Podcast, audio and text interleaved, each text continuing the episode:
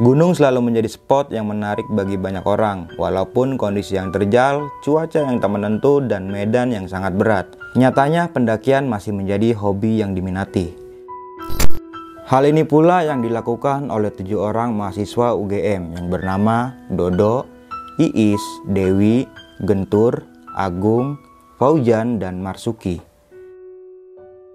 Mereka melakukan pendakian ke Gunung Slamet pada bulan Februari tahun 2001 namun karena pendakian itu pula, lima dari tujuh orang tersebut harus meregang nyawa.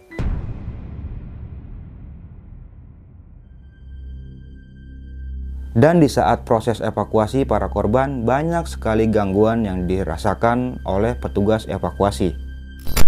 Salah satunya adalah Masugi, seorang tim SAR yang terlibat dalam evakuasi tersebut. Diceritakan pula di saat Masugi mengevakuasi jasad mereka, Masugi sempat tidur dengan salah satu korban di Gunung Slamet. Mau tahu kisah kelanjutannya seperti apa? Duduk manis, siapkan cemilan, dan selamat mendengarkan.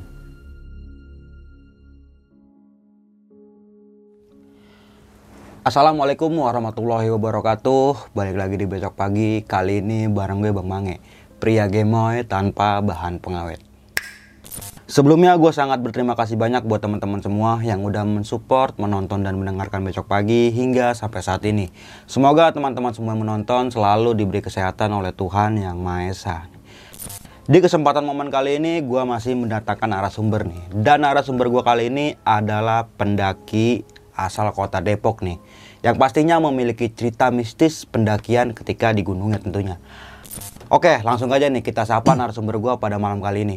Selamat malam Bang Sugi. Sugi. Apa kabar nih Bang? Baik baik. Sehat ya Bang? Sehat. Sibukannya lagi apa nih sekarang? Ya lagi nganggur masih. masih nganggur. Tinggal nunggu panggilan aja nunggu gitu panggilan. ya. Simatupang. Simatupang. Siang malam tunggu panggilan. iya iya iya benar.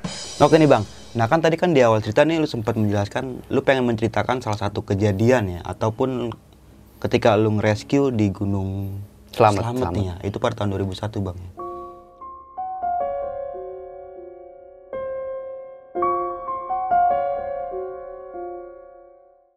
Jadi Bang Sugi ini akan menceritakan tentang cerita ketika ia ini merescue salah satu bukan salah satu sih. Jadi lima orang pendaki asal kota Jogja nih. Lu mau tahu bagaimana alur ceritanya hingga habis nih. Lu saksiin aja sampai habis dan berulang kali gue mengingatkan bahwa saja cerita yang mau diangkat pada malam kali ini bukan ingin menakuti teman-teman semua. Lu bisa ambil sisi positifnya dan buang jauh buruknya. Mau nggak mau, suka nggak suka, bahwa hal gaib itu ada di sekitar kita. Tanpa berlama-lama lagi, langsung aja kita masuk ke ceritanya.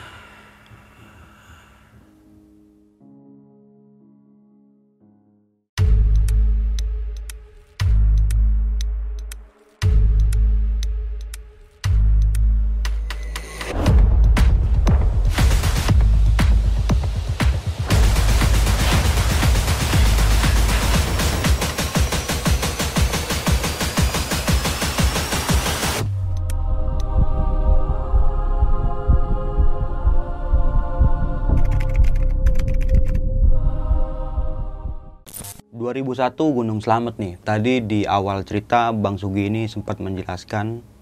...ketika itu Bang Sugi dan timnya ini... ...merescue lima orang pendaki asal kota Jogja nih.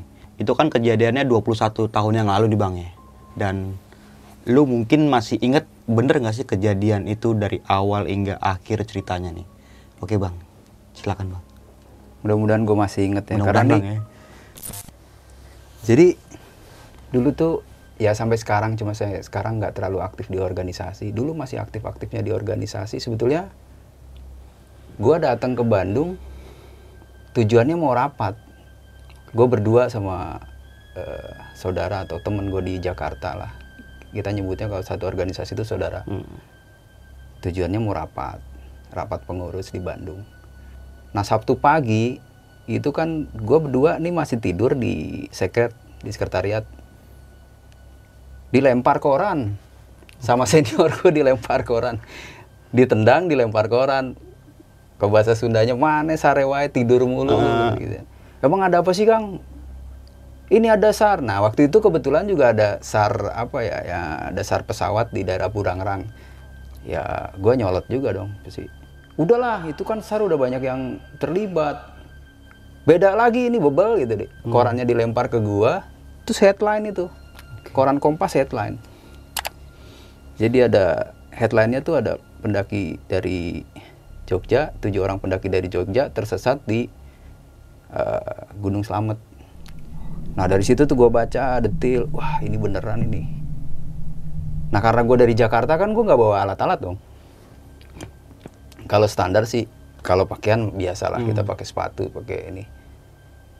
Nah proses di kita memang prosesnya cepat di organisasi gue tuh cepat jadi hari itu dapat berita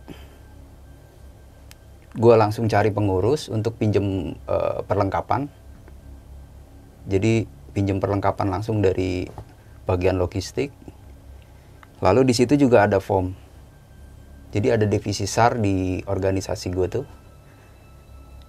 Sekaligus ada formnya. Hmm. Form buat minta pengajuan RAB-nya. Mau SAR-nya ke mana. Tapi udah standar itu tujuh hari gitu. Oke. Minimal minimal kita harus siap tujuh hari siapa pun yang berangkat. Nah, rencana gue berangkat berdua. Pinjem alat dua set. Mulai dari alat tidur lah, sleeping bag dan segala macam. Pokoknya satu satu keril, satu keril lengkap terus itu kan tujuannya ke Gunung Slamet jadi gua isi kebutuhan RAB-nya buat apa aja belanja eh, untuk tujuh hari sekian transport sekian di ACC langsung keluarin eh, dari bendahara ongkosnya. Nah sore itu kita berangkat. Berangkat lewat terminal Cimahi kan? Beli logistik juga apa ya secepatnya aja ada ada makanan yang di terminal tuh dodol dodol Garut paling banyak. Gue beli 3 kilo lebih kali itu. Pokoknya beli dodol Garut terus semua sambil berjalan. Dulu tuh kayaknya belum familiar deh yang mart mart gitu tuh belum familiar pokoknya nanti cari pasar terdekat yang penting kita ke Purwokerto dulu. Purwokerto tujuannya ke karena waktu itu sepertinya udah kebentuk tuh di eh, di UPL UPL tuh unit pandu lingkungan di Purwokerto. UPL tuh kampus Unsut Hmm. Sudirman.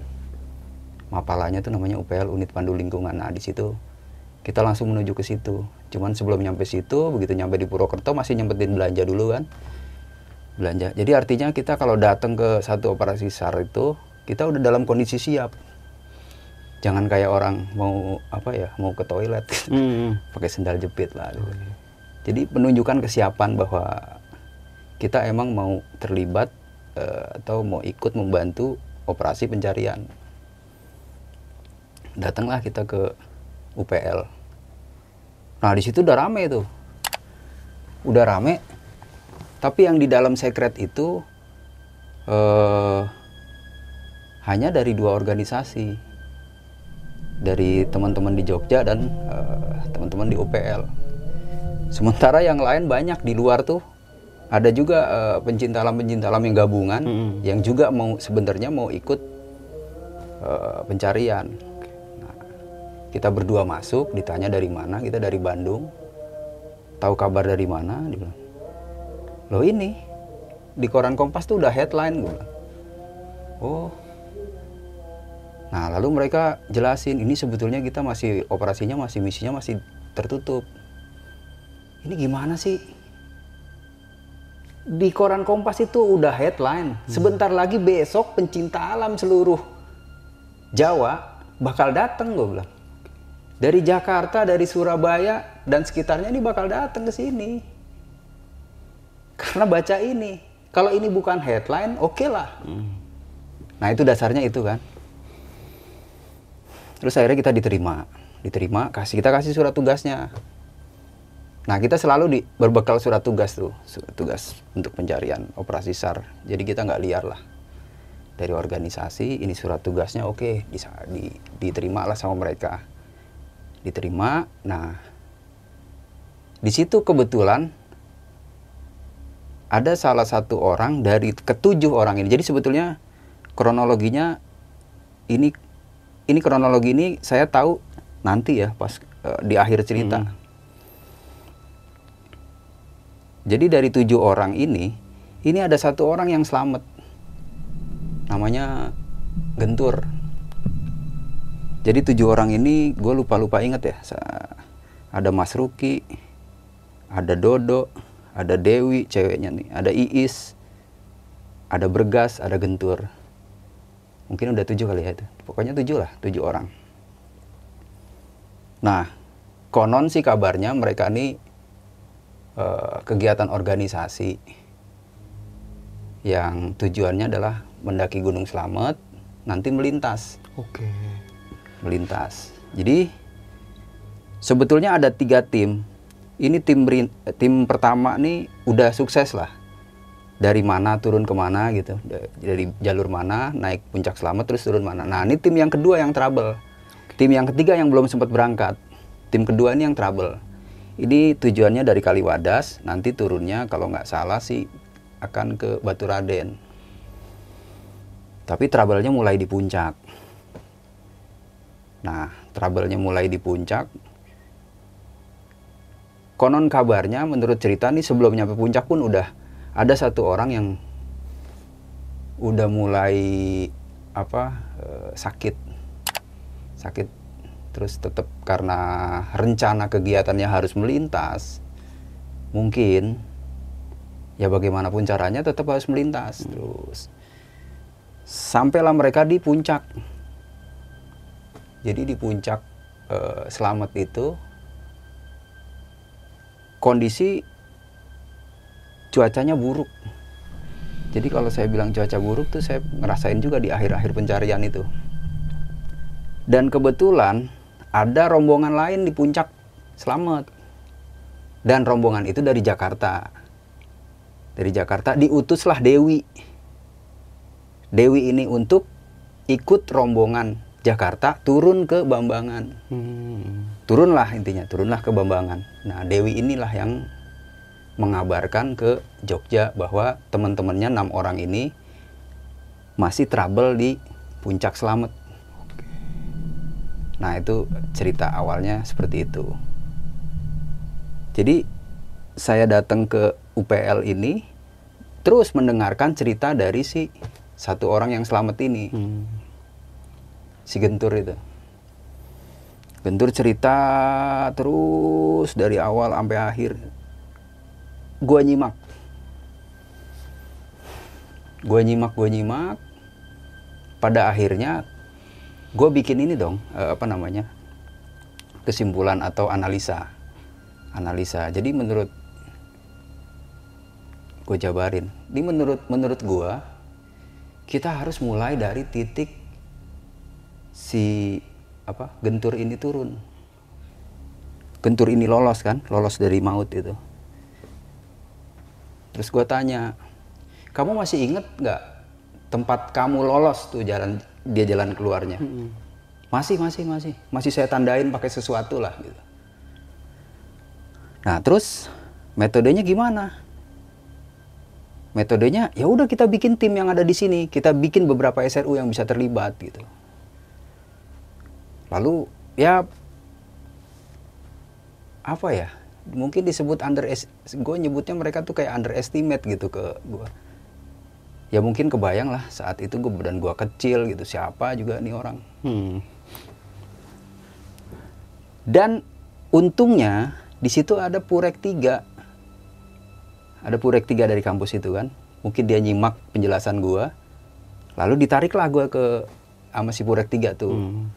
Jadi menurut menurut anda gimana eh, analisanya ya kalau menurut saya seperti itu pak nanti teknik pencariannya bagaimana nah kita mulai dari si gentur ini lolos titik itu kita jadiin poin untuk kita sweeping ke atas Nah, tekniknya adalah kita ada berapa orang nih?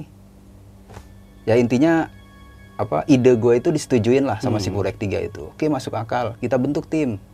Dibentuklah, jadilah empat tim waktu itu, empat atau lima tim.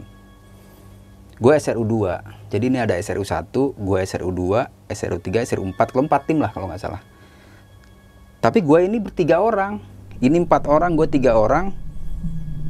Ini empat orang, ini juga empat orang. Oke.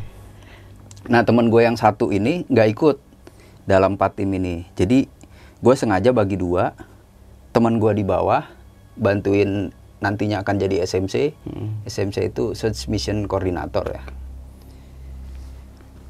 Nah gue tuh di SRU jadi waktu itu belum ada OSC tapi di luar di luar gua ini di luar kita yang di bawah ini itu sebenarnya sudah terjadi juga pencarian dari jalur Bambangan gitu. Hmm.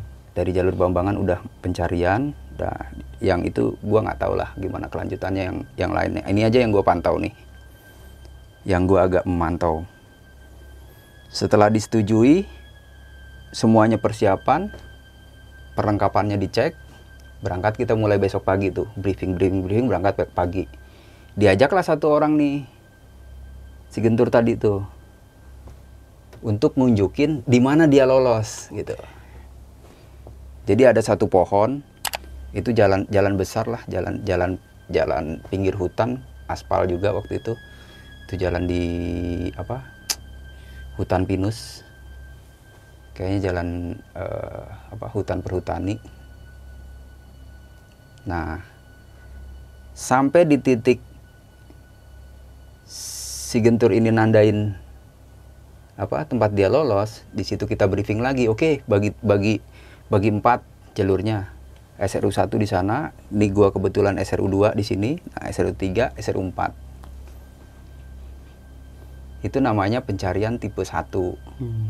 nanti ada tipe 2 tipe 3 tapi terus tipe 2 tipe 3 nya nggak kepake ternyata. Namanya tracking mode. Apa? Menelusuri jalur yang kemu- kemungkinan dia bisa lolos. Hmm. jadi karena anak ini lolos satu kemungkinan belakangnya akan lolos juga ke sini. Ke Iya. ikutin dia dong. Nah asumsinya begitu. Itu gue berangkat Sabtu Minggu Senin ya. Baru beroperasi beroperasi ini hari pertama Senin. Senin pagi mulai jam 10 trekking terus jam 10 nah di situ kita ngasih nan- ngasih tanda tuh sepanjang pencarian. Pakai tali rafia warna yang merah. Hmm. terus juga bacokan-bacokan. Di pohon kayak gitu ya. ya buat tanda lah selain selain tali rafia ada bacokan biasanya kalau gue bikin bacokan tiga aja cet, cet, cet. Hmm. karena kan itu bukan jalur tuh bukan jalur pendakian pokoknya jalur terobosan dia lolos itu jadi asumsinya atau prediksinya gue jagain nih Hmm. teman-teman lu yang bakal turun kalau lewat sini kita kejaga sama 4 SRU ini Oke. dan konon cerita-cerita cerita di luar sepengetahuan gua satu dua tiga ini satu dua tiga tim ini balik kanan karena sebel katanya sama gua gitu. Oke. karena nggak nggak nggak nggak percaya sama asumsi gue nggak percaya sama analisa gua gitu dan itu pun anak itu cerita setelah operasi sal selesai cerita wah waktu itu ya analisanya Sugi gua nggak percaya makanya kita kompak setelah masuk hutan kita Oh, turun oke, dan oke. pulang gitu jadi gua nih tinggal gua bertiga aja nih Nah, satu tinggal SRU satu tim aja ya berarti iya Oke, oke. Nah satu SRU gue bertiga ini, yang satu KSR, yang satu Menwa, yang Menwa ini namanya Pion, yang satu gue lupa namanya, yang KSR nih. Dan dia cerita-cerita dia juga ngakunya dia master KSR lah, Hmm. apa eh, instruktur. Berjalan tuh hari Senin kan, pelan naik naik naik naik pelan. Ya ber- berbekalan lengkap gue itu, kita bertiga lengkap. Termasuk obat-obatan karena yang satu anak KSR medis alatnya dia pasti lengkap. Nah yang si Menwa ini yang sering gue suruh buka nebas-nebas jalur Hmm. terus gue pasangin tali rafia ntar gantian gue nebas jalur pasang lagi tali rafia terus setiap ada pelolosan kan itu di punggung gunung. Hmm. di punggung cari jalan yang si anak ini lolos tuh tapi kan nggak kelihatan. Terabas terabas terabas tebas tebas. Setiap ada jalan yang atau bukan jalan sih pelolosan yang bisa ke sungai itu gue berhenti gue taruh ransel cek dulu. Cek nyampe ke bawah sungai cek ke bawah ke atas oh aman nggak ada balik lagi. Balik lagi naik lagi. Terus begitu tuh. Sampai malam senin malam selasa clean nggak ada nggak ada kejadian apa apa atau nggak ada nggak ada pertemuan apa pun. Selasa malam Selasa mulai lagi tuh lanjut lagi besok paginya. Metodenya seperti itu lagi. Jalan-jalan jalan-jalan tandain ada pelolosan ke sungai sekali dua kali kita cek balik lagi terus naik lagi. Terus seharian Selasa nah malam Rabu Selasa seharian nggak ada kejadian lagi. Malam Rabu malam Rabu kita ngecamp eh, apa nggak nenda lah pakai flysheet pakai flysheet kita tidur bertigaan. Nah ini udah kita habis masak-masak makan dong selesai. Ya ngobrol dikit-dikit sebelum tidur nah begitu mau tidur eh, sebelumnya kan kita habis makan ngopi-ngopi dulu tuh. Susu lah gue bikin susu tuh. Gue bikin susu. Begitu udah menjelang mau ngantuk tiba-tiba ada ada ini. Kayak apa ya binatang laron gitu. Bukan laron sih lebih gede lagi. Serangga lah ya. Hmm. putih bentuknya putih. Putih kayak kupu-kupu tapi kecil lebih ke kayak lebah gitu. Datang vet masuk ke dalam eh, gelas susu gua. Ini kayak kayak ada pertanda tapi gua nggak pikir jauh lah. Dua dua ini satu langsung mati set. Satu lagi kelepek kelepek kelepek kelepek kelepek gitu. Hmm. dan mati. Oke. gue bilang wah susu gue kemasukan ginian lagi. ya akhirnya gue ambil gue ambil gue keluarin gue minumin gue habisin. Itu kayak firasat aja sih. Cuman gue yang nggak nggak nggak terlalu nanggepin. Udah akhirnya tidurlah malam itu. Selasa malam rabu dong. Selasa malam rabu rabonya terus pencarian. Tali rafianya habis. Yang buat nanda-nandain. Nah. tinggal tinggal golok juga nih tinggal bacokan bacokan bacokan. Lalu tandanya bacokan tiga sama terabasan terabasan dilalahnya juga nggak lama.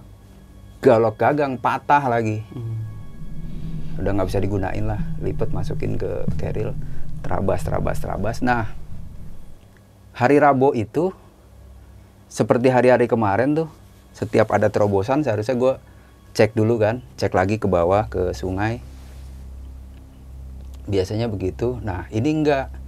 Tapi niatnya ke sungai itu bukan untuk ngecek. Mau ngambil air. Perbekalan air gue habis. Terus gue cari jalan ke sungai. Gue cari jalan ke sungai. Sampailah di dasar sungai. Nah anak dua ini masih di atas kan. Udah nyampe di bawah udah. Tapi sungai itu nggak ada airnya cuman kubangan kubangan kubangan. Jadi dia tuh sungainya temporer. Hmm. temporer tuh kalau lagi hujan ya airnya deres banget. Tapi kalau nggak hujan itu cuman tinggal kubangan kubangan kubangan tapi ada. Nah gue udah nyampe bawah. Jerigen-jerigen air nih punya gua punya si pion punya satu lagi dikumpulin tuh jadi tiga. Tiga bawa tali apa bawa ada tali webbing. Tali rafia sih udah habis ya. Tali webbing diulurin lah ke bawah tuh. Nyampe bawah gue isi itu air. Udah udah selesai. Tarik tarik. Udah. waktu nyari jalur turun sih gampang. Ada yang nggak terlalu tinggi gitu gue bisa lompat ke bawah. Udah selesai ngambil air gue iseng di lalahnya tuh. Iseng tuh ya seperti biasa sebenarnya ngelihat ke bawah ngelihat ke atas gitu. Hmm. itu ngelihat sesuatu itu kayak apa ya? Gue bilang kayak baju tapi kayak pakaian gue bilang. Tapi kenapa ditaruh di atas batu dan rapi? Dan gue perhatiin lagi oh iya bener. Jadi celana celana tuh ditaruh di atas batu. Terus ada daypack dulu dulu daypack Alpina diselempangin gitu. Heeh. diselempangin ada daypack ada sepatu entah apa lagi pokoknya itulah yang paling jelas tuh wah apa nih dia ini kayaknya nih wah dapet nih gue gue perhatiin wah bener gue orang setiap sar yang paling takut kalau ngelihat pertama kali. jadi jadi gue modus aja nih. Wah udah bener dia. Gue panggil lah nih dua orang ini. Woi, sini. Apalagi sih? Kan air udah. Sini dulu. Kenapa? Ya udah sini gue bilang. Penting nih. Sini sini sini sini. Gue berusaha naik lah tuh ya. Gue berusaha naik ke ping- ke ke ke apa? Ke punggungan. Gue pengen ngasih tahu dua anak ini. Tapi keril kita bertiga tuh di atas, udah di atas. Tuh lu lihat tuh di bawah. Apaan mas? Itu di bawah lihat. Oh iya. Itu baju. Iya. Waduh, sepatu. Iya. Nah itu dia ada di sono. gua bilang. Jadi bentuknya itu nih kan sungai kering, aliran sungai kering. Terus di ujung sungai ini ada ada apa? Kalau kalau dia ada air ada ada lagi ada airnya, dia bentuknya jadi air terjun. Oke, kayak Tapi ini tebingan kering gitu nih. Bang. Iya. Ini curugan kering. Oke. Nah, curugan ini ini kan di bawahnya ada air nih. Ada kubangan jadi dia ngebentuk kubangan gitu kan. Jadi kalau lagi betapa dahsyatnya kalau ini lagi ada airnya musim hujan ini ini ini ngebentuk turbulen, turbulen ini sehingga ini ngebentuk goa. Hmm. Cakep itu tempatnya. eh, ceritanya gitu. Nah, gua hanya ngelihat dulu dari atas nih. Begitu gue teriakin mereka turun, lihat tuh ada dua. Oh iya bang, ah, iya iya itu. Terus karena gua males kalau gua, gua, gua pikir dia udah mati. Gue pikir yang gua akan lihat nih mayat nih. Ternyata sebenarnya belum mati. Karena gua takut ngelihat mayat, gua gua modus dong. Udah, lu coba, lu lihat, lu cek ke bawah itu. Kemungkin dia di dia di bawah kok. Gue yang nurunin deh keril-keril di tiga di atas. Ya udah deal. Hmm. Ini berdua dong. Lu siapin webbing aja. Tapi webbing masih di atas. Ya udah lu cek-cek aja dulu dah. Gue turunin keril satu, dua. Udah kelihatan belum? Gue tanya kan di bawah. Belum. Ya udah nih gue turunin dulu kerilnya. Gue ambil webbing, gue ulurin satu-satu tuh kayak apa? eh, keril ke bawah, ke sungai. Udah tiga-tiganya udah turun, baru gue lemparin webbing buat mereka dia berdua ngecek. Hmm. hmm. Begitu gua turun dia belum juga bisa ke bawah. Kan terjal gitu. Tapi ini terjal-terjalnya ini an- ajaib nih anak nih. Si apa si per- eh, si korban ini. Jadi gua gua belum begitu ngeh namanya siapa kan saat itu. Nah, ini nih. Terus gimana caranya? Wah, lu mau PA gue bilang. Dari tadi belum bisa turun. Ya kan webbingnya di atas ya udahlah baru setelah itu kita turun satu-satu tuh pakai webbing ke bawah bener lu dia masih hidup jadi si anak ini dan terakhir baru gua ngeh namanya si Iis Iis tuh itu cewek. Itu cewek. Kondisinya di kubangan air begitu dia lagi main air gini nih. Eh, matanya merem. Coba aja ini telanjang cuman pakai celana dalam terus pakai eh, apa raincoat mungkin dia susah bukanya atau gimana tapi itu. Nah kalau mau tahu itu analisa gue itu gejala hipotermi. Hmm. Gejala hipotermi yang udah akut lah udah berat. Jadi kalau gejala hipotermi di awal itu dia mulai menggigil menggigil kedinginan.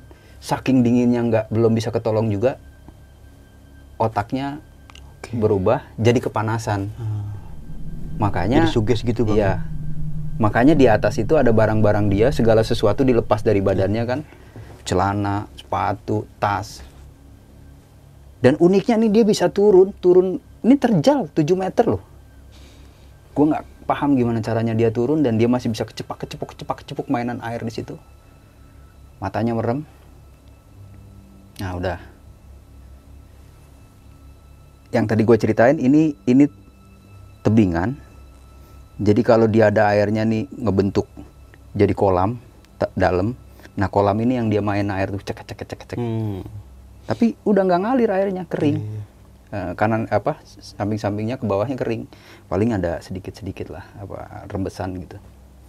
Kering banget sih enggak. Nah yang bekas turbulens ini di di balik di balik air terjun ini membentuk jadi goa. Oke. goanya kira-kira ya lumayan lah. Nggak terlalu dalam tapi bisa buat tidur nyaman tempat itu nyaman. Udah gitu kayu-kayu kering banyak tuh hanyutan-hanyutan dari atas gitu. Nah gue apa ya optimis waktu itu. Ini orang harus sembuh gue bilang. harus tertolong gitu karena dia masih apa masih hidup. Nah akhirnya bagi tugas lah. Kata si satu tim gue ini yang orang KSR dah ini ini bidang gue kata dia kan. Hmm. oke jadi. Biar gue yang nanganin kata dia. Udah eh, dia tanganin terus sementara gue bikin gue kumpulin kayu-kayu kering sama si siapa menwa satu nih bersih bersihin tempatnya kita bikin. Gue bikin perapian dia masak air. Dia masak air. Api unggunnya udah gede. Terus gue lihat dia proses nih nolong si anak perempuan ini. Matras dibuka buka sleeping bag. Bener ini anak ditelanjangin gitu ditelanjangin cuman nggak telanjang total masih pakai celana dalam dimasukin ke dalam sleeping bag gue pikir salahnya ya menurut teori yang pernah gue pelajarin ini anak salah caranya harusnya kan dia peluk dia telanjang juga skin to skin Hmm.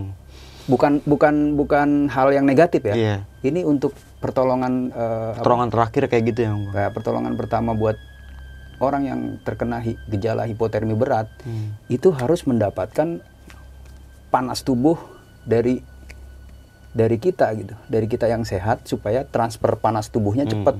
Jadi kita juga harus telanjang, peluk, masuk sleeping bag. Jadi supaya transfer panas tubuhnya ini cepat tersalurkan. Gitu. Itu teorinya seperti itu.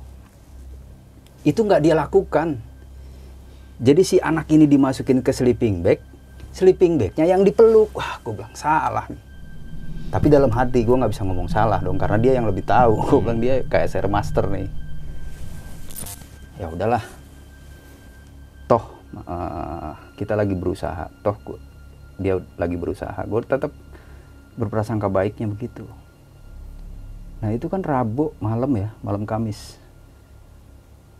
Rabu sampai sore sampai malam. Kita tetap rawat dia tuh.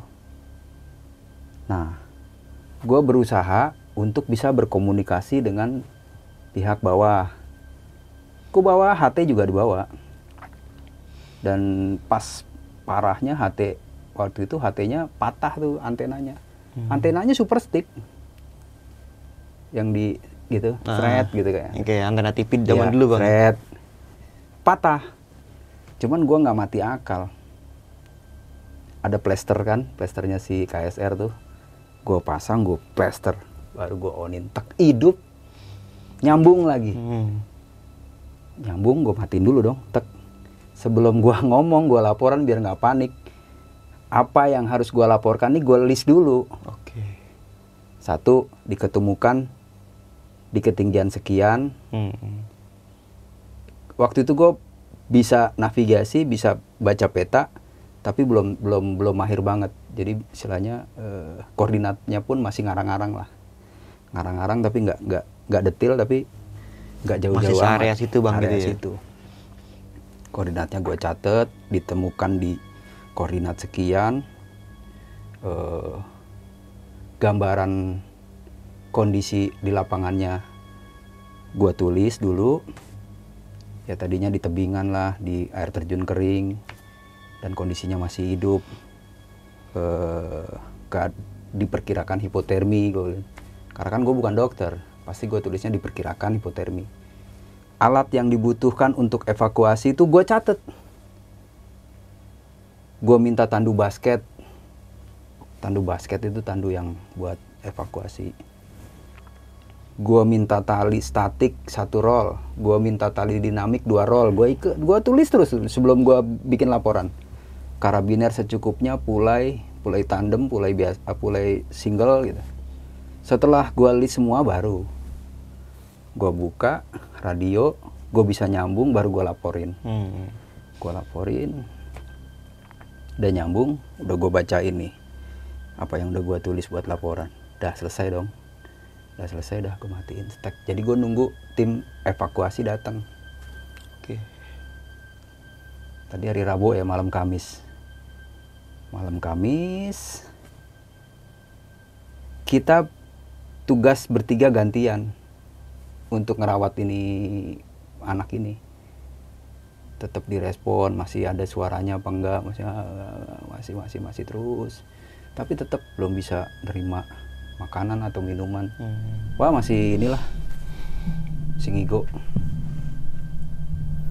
sampai menjelang pagi menjelang subuh kira-kira itu pas gue yang jaga. Pas gantian gue yang jaga cep diem. Gue bangunin lagi cep nggak bisa udah nggak bisa. Gue bangunin lo dua orang ini nih. Gue bangunin dia bangun terus dikasih RJP resusitasi jantung paru gitu ya. Kasih napas buatan nggak ketolong juga udah lewat akhirnya. Kam apa? Rabu Kamis pagi tuh ya berarti ya. Terus bantuan juga nggak datang datang. Tim evakuasi nggak datang datang. Gua buka di radio dia nanya di mana nih di mana? Kan tadi udah dikasih tahu di koordinatnya sekian sekian sekian sekian. Pakai koordinat itu kan eh, grid dulu belum pakai peta geografis masih peta apa eh, geologi. Terus gue pandu terus tuh tim apa evakuasi. Udah ikutin aja tali rafia merah kan gitu kan? Hmm. gue pandu terus nggak tembus juga hari Kamis itu tim evakuasi nih. Terus hari Kamis itu tuh sebenarnya kan di bawah si anak ini udah meninggal. Masih di dalam sleeping bag gitu ya kita amanin. Nah gue bilang kita pindah bivak yuk. Tapi sebenarnya tempat ini nyaman banget. Buat tidur anget lah nggak perlu bikin tenda nggak perlu bikin bivak nggak perlu bentang plyset di dalam goa itu nyaman banget. Terus ada pohon gede satu bekas pohon kering gede lah. Di situ yang ke bawah air bekas ke bawah air ayo ayo kata dia berdua. Begitu packing packing kita rencana pindah. Krimis. Oke. kan susah naik ke atas tuh. Hmm. wah gimana nih coy? Krimis. Sementara kan kita nggak mungkin nungguin apa almarhum gue bilang. Ya gimana? Licin banget. Kalau mau naik nih bahaya daripada kita kepleset juga. Ya udah kita tunggu sampai reda gerimis nggak hujannya tuh nggak nggak deres deres terus gerimis aja begitu.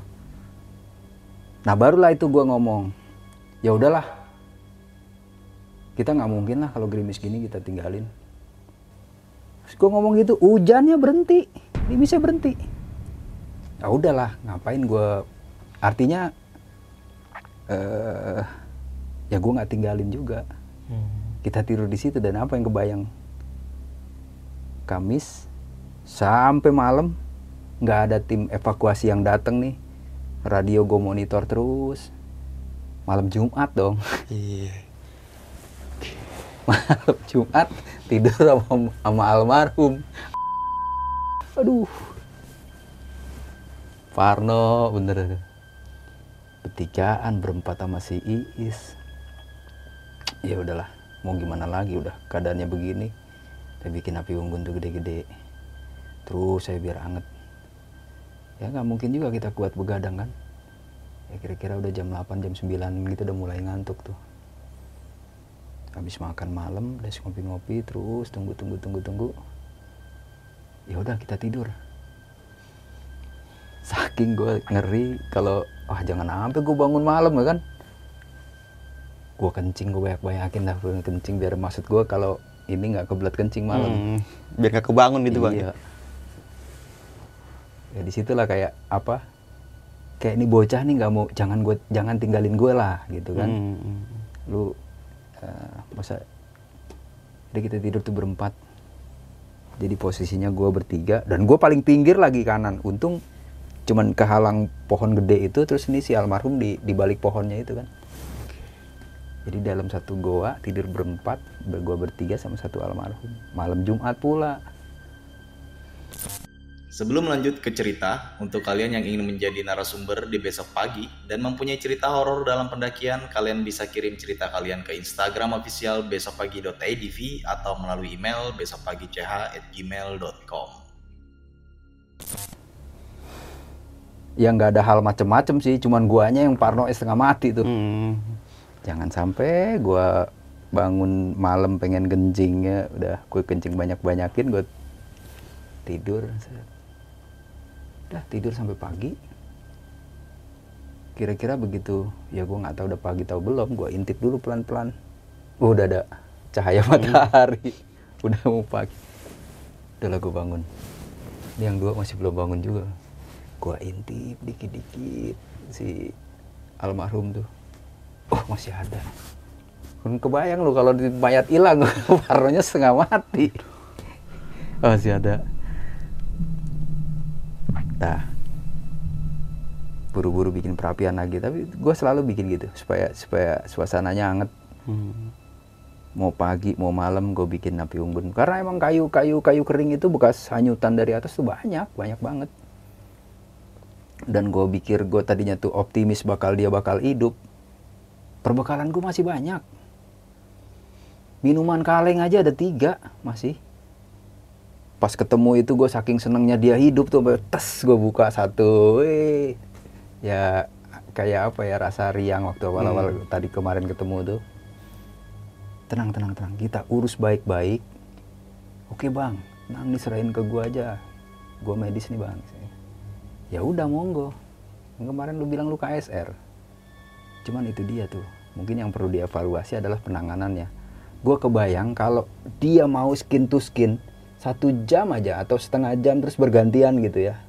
Itu kan transfer tubuh, Nah. panas tubuhnya akan Akan berpindah gitu, Ah, Bang. Berpindah. Teori yang gua dapat seperti itu. Bukan di hal yang negatif, bukan di macam-macamin ya. Hmm. Tapi jadi transfer panas tubuh tuh supaya cepat ke transfer ke tubuh dia tuh memang kita dua-duanya harus telanjang, peluk, masuk ke dalam sleeping bag. Kalau dia udah pulih kesadarannya, nah baru kasih minum sedikit-sedikit gitu. Ya, setelah itu dan seterusnya dan seterusnya. Tapi ini kan udah nggak ketolong. Udahlah cerita singkat. Jumat pagi tuh. Semalam Jumat, Jumat pagi gue hidupin lagi radio, udah habis sarapan segala macem, gue naik lagi ke atas, gue pantau-pantau. Wah ini lagi pada kredit ini pembicaraan di radio deh brak brik ini lewat mana? Udah ikutin aja tali rafia merah. Udah nggak ada. Nah kalau udah nggak ada ikutin bacokan tiga. Gue jelasin. Karena waktu itu tali rafia udah habis. Ikutin aja bacokan tiga. Iya iya ketemu bacokan tiga. Gue jelasin lagi. Kalau bacokan tiganya udah habis udah ikutin terabasan aja. Wow dia udah marah-marah nih orang-orang yang mau evakuasi nih. Nah, gua saking lamanya gue nungguin mereka datang hari Jumat itu. Gua naik ke atas, gue betengger di atas batu gede sambil pegang HT, celana pendekan, pakai raincoat. Baru tuh mulai kepantau, gusrak, gusruk, gusrak, gusruk tim yang evakuasi datang. Masih di radio juga. Nih, lihat saya di atas dia mau marah-marah tadinya tuh yang tim evakuasi karena gua pandu dia merasa apa susah nyari Hmm. jalurnya. Begitu lihat gua bertengger di atas batu diem dia nggak. Ini saya di sini gua oh ya nggak nggak nggak jadi marah tuh. Banyak tuh bu rombongan datang nah terus gua tanya dong mana alat-alat yang saya minta? Tandu segala macem. Karena gue berharap waktu dia gue minta alat-alat itu nih anak masih hidup nih Hmm. jadi supaya evakuasinya pakai apa namanya tekniknya tirolian lah. Ah. jadi tandu nanti diangkat pakai satu teknik angkat angkat angkat angkat angkat. Set. Selamat gitu ya aman nggak terlalu banyak guncangan. Nggak bawa tandu. Perlengkapan SRT juga SRT itu alat-alat single rope teknik. Jadi tali dan sebagainya. Yang gua list kemarin enggak sebanyak itu yang dibawa. Jadi kalian bawa apa nih ya ini seadanya aja begini. Dengan alasan namanya juga SAR. Loh SAR kan gua yang search. Kalian yang rescue. Masa iya nggak bisa diadain alat-alat seperti itu? Gue bilang ya udah terserah kalian lah. Terus di mana posisi eh, survivor gitu kan? Gua kasih tahu lagi tuh di bawah silakan. Bengong lagi dia. Lihat itu kan? Lihat tembingan itu lihat ya? tembingan itu. Nah makanya kenapa saya list itu barang supaya dibawa sekarang? Karena posisinya seperti itu. Jangan gampangin gue bilang. Diam lagi mereka dan akhirnya bikin tenda apa tandu darurat. Jadi kondisinya seperti apa? Gue jelasin. Gue nggak nggak bisa ngomong tuh kondisi survivor meninggal di radio kan? Gue jelasin aja di situ bahwa kondisinya dia sudah eh, kosong lah. Botol udah kosong. Tadinya sandinya kan botol isi tuh hidup botol kosong udah meninggal. Oke. karena kalau gua jelasin di radio ribut lagi nih. Hmm. gue jelasin aja dari situ. Oh begitu. Ya udah. Silahkan kalian urus. Terus kita mau packing lagi mau mencari korban-korban selanjutnya nih survivor selanjutnya. Nah saat itu tim dibagi dua tuh. Ada tim yang mengevakuasi si Iis ini dan gue sebelum dibagi dua gue lihat proses dia diangkat. Wah itu nggak tega banget itu. Angkat tarik gubrak. Angkat tarik gubrak. Ya Allah gue pikir nih. Gue dalam hati ya Allah ini anak kalaupun masih hidup evakuasinya begini mati juga ini gue ya udahlah. Toh udah takdir kayak gitu begitu dia udah nyampe di atas nih udah siap di eh, eh, bawa turun tim bagi dua sebagian ikut turun evakuasi sebagian ikut pencarian. Ikut lanjut pencarian. Nah yang temen gua dua orang ini ikut turun. Si Pion sama si KSR tuh turun. Eh, ih gue nggak ikut lanjut ya. Gue mau ngasih penjelasan tentang ini wah ya monggo. Nah akhirnya ide ide almarhum udah dievakuasi turun. Nah ini tim banyak nih yang masih tetap di situ yang masih mau cari searching selanjutnya. Gue briefing lagi lah tuh. Sekarang gimana enaknya Eh, apa rencana berikutnya? Kata mereka oh udah gini gini gini. kita bagi dua aja. Kita bagi dua tim. Waktu itu sekitar ada lah sekitar 30-an yang tersisa di situ tuh satu tim nyusurin kali ini terus ke atas. Ini kan kali yang si Is ketemu nih ditelusurin ke atas. Satu tim lewat punggungnya di atasnya gini. Oke. nah gua milih yang di punggungnya. Karena gue yakin ini bakal ketemu lagi nih nggak jauh dari si Is nih ada lagi satu. Hmm. namanya si Bergas apa? Dan bener setelah tim dibagi dua pecah gue naik ke atas sama satu sama serombongan gitu ya. Kira-kira adalah yang di rombongan gue tuh sepuluhan lebih lah. Nah banyak kan yang di sungai nih set set set set, set. nggak nyampe 10 menit lah itu. Setelah itu dipecah dua terus gue kontak udah ketemu lagi satu. Oke. jadi nggak jauh dari si sini ketemu lagi satu. Dalam keadaan yang udah meninggal. udah meninggal. Jadi sep- sepertinya panik nih si Iis ini ngerawat si apa gentur ya? Ngerawat temennya ini. Terus sampai dia meninggal panik Iisnya nih. Dia tinggalin ke bawah dan trouble lah di sini. Jadi nggak nggak nggak nggak berjauhan. Nggak nyampe ya nggak nyampe 500 meter lah. Jarak lurus gitu ya nggak nyampe 500 meter. Kontak lah tuh lewat radio. Oke ditemukan satu lagi sobecek ini bla bla bla. Ya udah silakan lanjut evakuasi. Kalau kurang personil ini yang di sini saya turunkan. Gitu. Jadi karena yang di rombongan gue itu juga termasuk banyak, akhirnya dan pada mau lagi ngikutin evakuasi ya udah tinggal gue sisa berdua tuh. Terus gimana nih kita lanjut nggak bang kata kata temen gue berdua. "Ta- Tapi tuh bagus tuh anak Purwokerto ya, orang Purwokerto orang lokal dan masih anak muda. Gitu Hmm. ya waktu itu sih gue masih muda juga cuma dia lebih muda mas aku ikut sampean aja ya. Ya ayo bagus lah kita berdua jadinya Jadi- nggak usah ikut jadi ada turun. temannya ya? iya. Ya wis. Biarin aja yang lain evakuasi turun. Jadi tuh nggak nggak selang begitu lama kan? Setelah Is turun dia juga diturunin kan? Jadi dua itu dua almarhum diturunin sudah nah ini saat evakuasi itu kan gue uh, kasih tahu informasi ya. Ternyata satu orang lagi udah ketemu yang di ketemu tuh di batas vegetasi. Di atasnya si korban Iis satu lagi. Nah di atas yang bakal gue naik ini ada ada tenda. Tenda bekas mereka ngecamp yang udah amburadul. Nah di situ ada satu orang tuh di batas vegetasi. Nah itu udah dievakuasi lewat ke sana ke Bambangan. Hmm. udah ketemu dan evakuasi berarti tiga.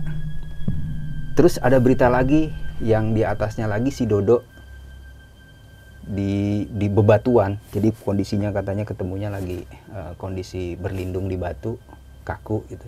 Dan udah meninggal juga. Dan udah meninggal juga. Ketemu juga berarti satu dua tiga empat. Hmm. udah ketemu dong. Tinggal satu doang nih yang satu Mas Ruki. Yang tadi gue cerita itu yang udah sakit di atas dan konon akhirnya meninggal terus di amanin di sleeping bag di tempat yang bebatuan yang aman gitu yang tersembunyi. Nah itu orang terakhir yang dievakuasi. Terakhir pun karena memang cuacanya buruk. Jadi setelah dua ini terevakuasi terus gue dengar kabar dua orang sudah dievakuasi juga gue terus tetap lanjut naik kan. Sampai batas vegetasi sampai ketemu uh, puing-puing atau bekas tendanya mereka tuh yang acak-acakan. Nah kita tidurlah di dekat situ. Ya tapi suasananya pasti horor lah itu. Pasti. Cuma karena gue bilang gue orang yang pernah dikasih lihat hal-hal begitu tapi kalau firasat-firasat seperti tadi itu yang gue cerita tentang apa dua binatang itu masuk hmm. yang kan itu firasatnya bener tuh ah. da, artinya gue jawab ke diri gue sendiri iya ya berarti yang kemarin dua kupu-kupu itu masuk set yang satu masih kelepek-kelepek itu si Iis oke okay. yang satu langsung mati itu si yang nggak jauh dari situ ditemukan jauh dari bang. situ tuh si uh, apa bergas jadi dua itu oh itu firasatnya cuman gua doang dalam hati gua begitu tuh deh lanjut masih di batas vegetasi gue coba bertahan di situ berdua karena logistik gue juga banyak kan ditambahin lagi ditambahin hmm. lagi gimana nih mas? Ya udah kita enjoy aja lah. Nunggu cuaca cerah baru kita uh, cobain ke atas. Nah sama tuh. Gue satu malam di situ terus besoknya kabut. Di bebatuan itu kabut. Kita nggak bisa lah uh, maksain. Cuman kadang-kadang gue coba-coba ke atas wah nggak mungkin. Turun lagi. Nah seharian tuh di situ aja gue nungguin cuaca cerah. Nggak cerah sampai sore. Bermalam lagi. Jadi tadi malam Jumat sama terus malam Sabtu sampai malam Minggu dua malam gue di atas udah nggak nggak ah adalah. Kita turun aja melipir. Jadi nggak turun lewat yang gue naik itu hmm. tapi gue melipir eh, pinggir jalur evakuasi yang apa yang di yang tenda, di tenda itu, itu. Bang ya belipir belipir belipir belipir belipir ketemu jalur bambangan kan? Ketemu tuh teman-teman di situ. Banyak yang lagi masih nungguin mau nyari si Mas Ruki nih. Karena kuncinya itu doang. Kalau cuaca cerah ini cepat ketemu. Oke. karena cuacanya nggak cerah kabut. Jadi yang bikin trouble mereka berlima itu ya karena kabut begitu. Hmm. Jadi itu mereka nyasar. Nyasar tuh udah nggak ngelihat memang mana jalan mana yang bukan sama aja semua di bebatuan kayak gitu di dalam kondisi kabut gitu. Jadi turunnya tuh asal-asalan. Nah asal-asalannya kayak gundu aja gitu. Hmm, kayak kelereng gitu tuk, ya? tuk tuk tuk tuk kalau diplotting satu persatu diplot terus dimasukin ke peta ini lurus nih. Dari puncak terus si Dodo Mas Ruki Dodo uh, Faujan gen, uh, bergas iis. Itu lurus. Jadi garis lurus gitu karena memang mereka turun turun turun turun turun. Sampai si gentur itu tadi yang lolos blas gitu. Yang dia cerita itu. Yang terakhir itu. Iya. Nah itu jalur yang aja apa patokan yang gue jadiin poin dari awal gitu iya. ya? Jadi tekniknya begitu nyegat gitu. Hmm. dan akhirnya ya alhamdulillah kan berhasil. Ya cuman yang disayangkan itu nggak tertolongnya itu doang. Gue ngenes banget. Ngenes prihatin. Aduh ini seharusnya kan apa ya jadi satu ada satu kebanggaan gitu prestasi kalau bisa. Search lalu rescue hidup lagi. Jadi sarnya ini kepake bukan jadi sae Ah, search and evakuasi. Iya benar-benar. Nah udahlah gue putusin gue berdua itu untuk bergabung ke teman-teman yang ada di Pelawangan. Udah gabung, tapi banyak banget itu orang di situ. Ya udahlah kita ngapain juga, udah biarin jatah mereka lah ini. Hmm. Gue bilang gitu kan. Turun lah tuh gue berdua, turun aja lewat jalur Bambangan. Kira-kira nggak lama lah sejam perjalanan gue turun ketemu sama rombongan teman-teman gue, senior senior gue. Oke. Sama yang satu sekarang ya pendaki pendaki Everest lah itu. Senior gue yang udah almarhum. Ngapain lu turun? Ya ampun Kang. Ku udah seminggu gue bilang nih. Udah, padahal udah baru lima harian. gue udah capek bener dah. Udah lu naik lagi aja. Lu mau ngapain? Lu mau makan apa nih? Satu keril nih makanan semua deh. Rombongan tuh banyak tuh deh. Ada lima orangan lah. Ah udah gue capek banget Kang. Udahlah. Sar udah banyak yang ngurusin. Kita mah happy-happy aja di Pelawangan. Ya udah gue ikut lagi tuh ke atas. Aduh anjir gue ulang setan. Kalau bukan senior oh bodo amat lah gue tinggal turun aja lu lu aja yang nyari. Ya udah gue ikut lagi ngecamp lah di Pelawangan. Uh rame. Pagi-paginya gue bangun tidur dari tenda tuh udah udah ada kabar berita udah ditemuin di atas emang cerah banget itu Oke. Gunung Selamat itu cerah secerah-cerahnya. Buka radio, survivor atas nama Mas Ruki sudah ditemukan dan siap dievakuasi turun. Wah, alhamdulillah selesai juga misi gue. Hmm. Udahlah, itu baru satu malam perbekalan banyak. Udah kita nunggu sampai siang baru turun. Turun ke pos Bambangan. Udah sepi tuh. Udah pada evakuasi kan, udah pada klarifikasi semua dibawa ke apa? Ke Jogja. Nah, tinggal tim-tim yang banyol-banyol lah, tim-tim yang kemarin nggak boleh gabung tuh, yang di UPL belum boleh gabung. Ada dulu ada namanya tim Wikupala dan kawan-kawan tuh, ya, Universitas Wijaya Kusuma. Nah, apa ya disebutnya? Tim SAR eh, partikelir gitu, tim SAR swasta. Nah, itu masih ngumpul di situ, cerita lah ngalor ngidul ngalor ngidul tentang ini. Nah, ada satu orang yang tadi di awal gue ceritain tuh, Mas, Mas Uki, sebenarnya tuh kita awalnya nggak percaya, makanya kita tinggal kabur tuh. Oke. Mas Uki nggak tahu kita kita turun tuh tiga SRU kan, Mas Uki naik naik sendiri apa satu SRU doang. Oh, ya udahlah nggak ada masalah. Gue pikir masa iya gue maki-maki lagi nggak mungkin. Lagian juga semua korban udah, udah ditemukan Udah, gitu udah bang ya. selesai, udah clear. Iya. Ya gitulah kira-kira tuh pengalaman gue karena jadi gue analisa dan itu gue seneng aja gitu Hmm. mengalir. Jadi kayak satu tantangan terus kalau kalau berhasil tuh kayaknya, wih tuh kan bener. Menjadi kebanggaan Iya. tersendiri gitu bang ya. Dan emang apa ya? Ya namanya orang di gunung di hutan. Gue juga kan sebelum itu se- itu kan tahun 2001. Gue tahun 99 gue nemenin junior gue perjalanan juga ke situ pas kebetulan jalurnya juga jalur Kaliwadas Eh, lalu gue juga pernah eh, perjalanan dulu waktu apa eh, ambil nomor pokok lah eh, tugas perjalanan terakhir juga ke situ lewat Gucci jadi sedikit banyaknya satu udah karakter Gunung Selamat Udah udah udah udah, Udah mulai kenal udah mulai gitu. tahu gitu Tahu. bang ya sedikit sedikit gitu. Iya. Oke. Pokoknya kalau tips ke Gunung Selamat itu kalau di Pelawangan atau batas vegetasi itu udah sore dan cuaca buruk, udah jangan diterusin. Hmm. Kalau udah kabut, udah bahaya itu. Jalan sama bukan jalan udah nggak kelihatan. Nah gitulah cerita cerita ceritanya. Dan itu masih bisa di searching. Beritanya banyak di Wikipedia banyak bang ya. Di tahun 2001 Satu. bang ya. Gunung Selamat yang mengakibatkan menewaskan atau lima orang. survival itu lima orang korban Iya. bang ya. Salah satu perempuan bang. Iya, Oke. Dan dua orang ini selamat. dua orang selamat, cewek cowok juga. Cewek cowok juga ya. cewek Dan- yang ikut pendaki Jakarta Yang pas turun lewat Bambangan itu. iya yang ikut pendaki Jakarta turun lewat Bambangan terus ngabarin temen-temennya di Jogja satu lagi yang lolos dan yang jalurnya gue telusurin itu Hmm, Oke. kira-kira gitu Oke nih Bang Sugi, sebelum kita mengakhiri video kali ini, Bang Sugi punya pesan-pesan nih buat teman-teman semua.